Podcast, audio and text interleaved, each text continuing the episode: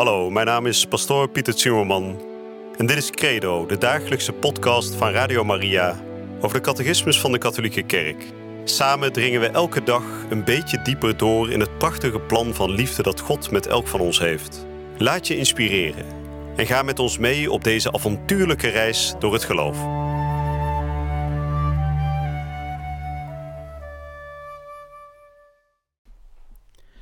Vrienden, van harte welkom terug bij Credo, de dagelijkse portie catechese hier bij Radio Maria, waarin we deze dagen spreken over het Koninkrijk van God.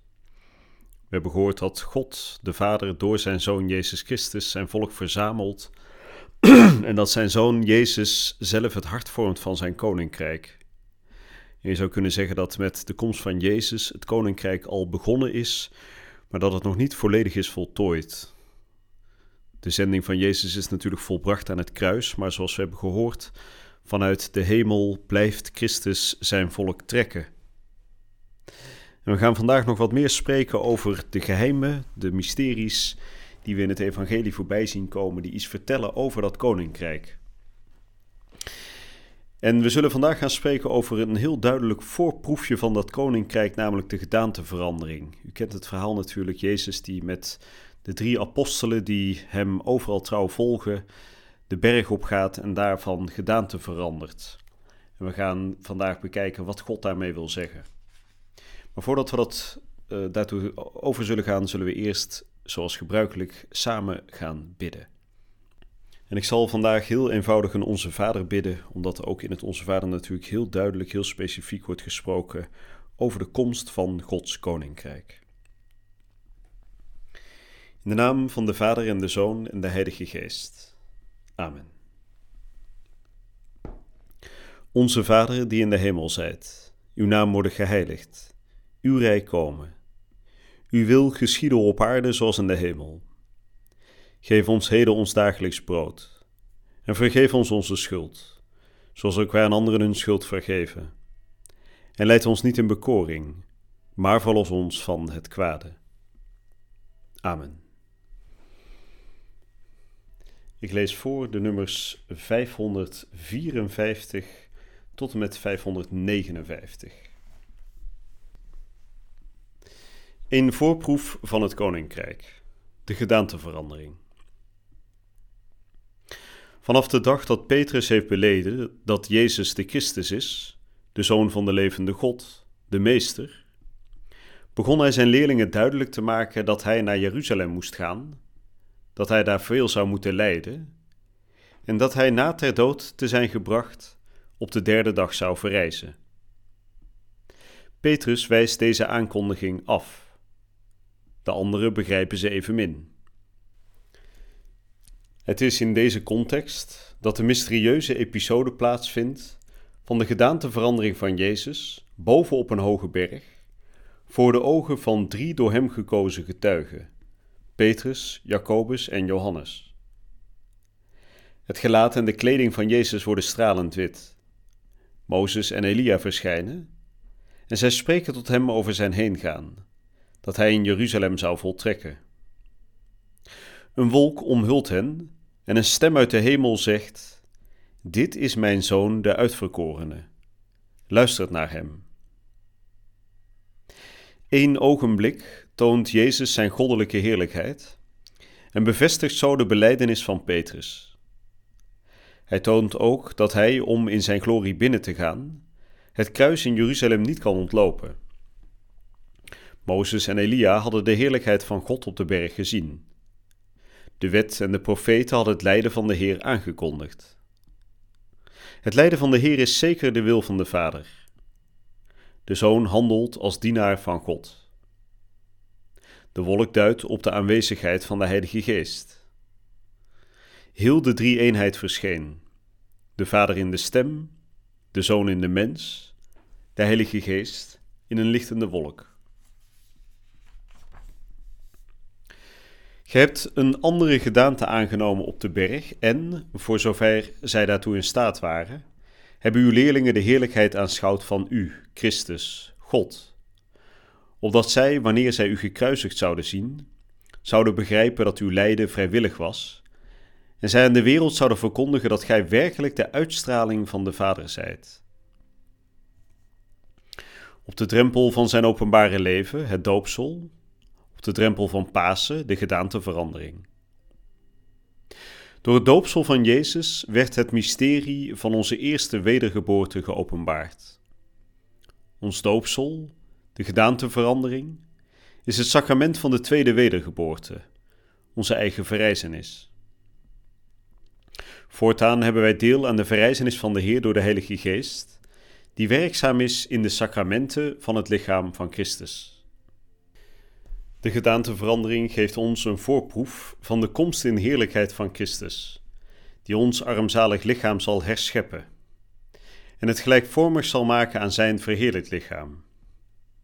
Maar zij herinnert ons ook eraan dat wij door vele kwellingen het Rijk Gods moeten binnengaan. Dat had Petrus nog niet begrepen toen hij met Christus wilde leven op de berg. Hij bewaarde dat, Petrus, voor u tot na de dood. Maar nu zegt hij zelf: Daal af om op de aarde te zwoegen, om op aarde veracht gekruisigd te worden. Het leven daalt af om zich te laten doden.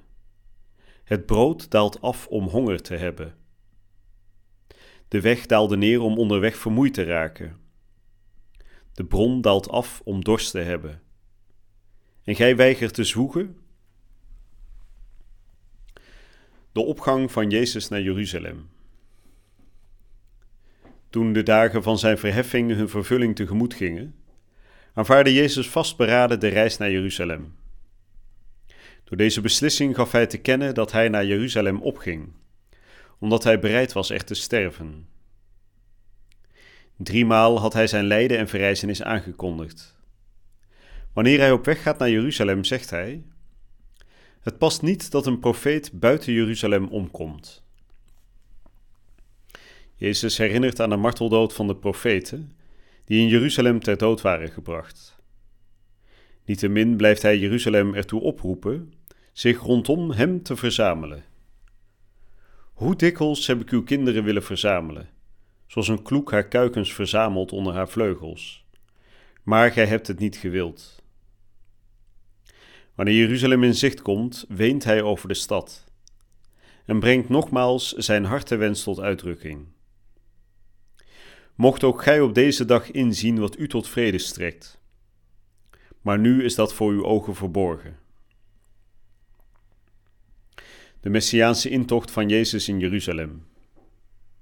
Hoe gaat Jeruzalem zijn Messias ontvangen? Hoewel Jezus zich altijd onttrokken had aan de pogingen van het volk om hem tot koning te maken, kiest hij wel het tijdstip uit van zijn Messiaanse intocht in de stad van zijn vader David. En bereidt deze intocht tot in de details voor. Hij wordt toegejuicht als de zoon van David, hij die het hel brengt. Hosanna wil zeggen: red toch, geef het hel.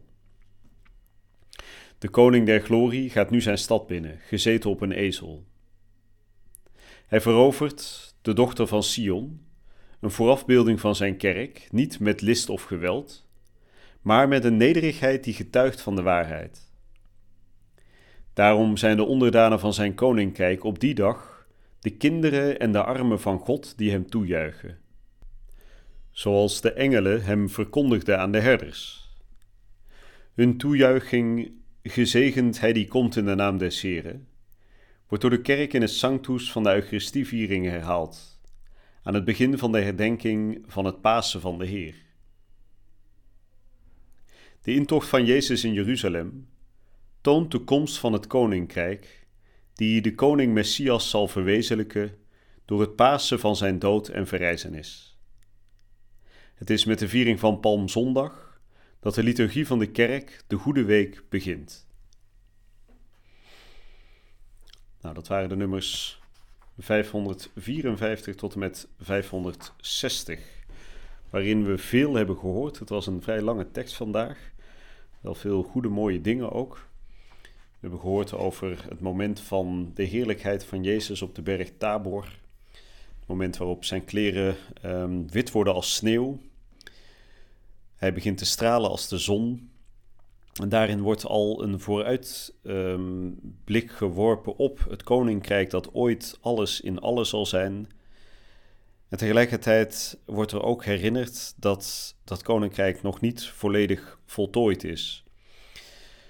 Namelijk Petrus, hè, die natuurlijk die uh, uitspraak zou doen die in de geschiedenis van de kerk gebeiteld zou staan. Laat ons hier drie tenten bouwen.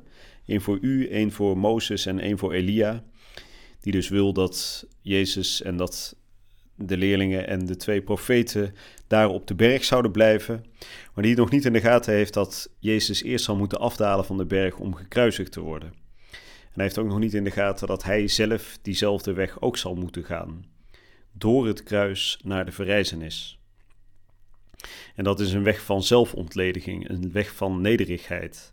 Een weg die Christus zelf ook als eerste gaat. En die nederigheid toont hij, we hebben het net gehoord, bij zijn intocht in Jeruzalem. Hij wordt daar niet als een, uh, of hij presenteert zichzelf daar niet als een grote koning op een groot wit paard, maar gezeten op een ezeltje.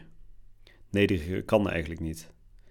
En het is die Messias, die koning Messias, die daar zijn stad binnenrijdt. En die stad is natuurlijk al een voorafbeelding van zijn kerk. Het nieuwe Jeruzalem dat hij zal stichten en dat tot in eeuwigheid stand zal houden. Nou, prachtige tekst. Ehm, we hebben de afgelopen dagen dus gekeken naar de verschillende mysterieën in het leven van Jezus.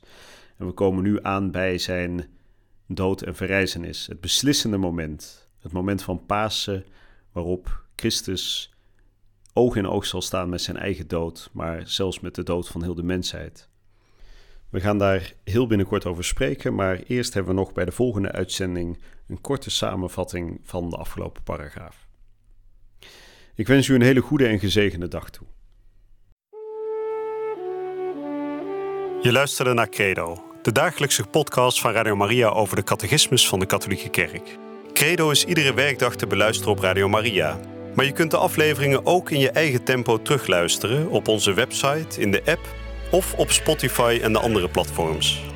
Via de website radiomaria.nl vind je dagelijks de link om de bijbehorende teksten uit de catechismus mee of terug te lezen. We zijn erg dankbaar voor alle giften die wij mogen ontvangen. Daardoor kunnen we ons goede werk blijven doen. Draag je ook bij aan deze missie?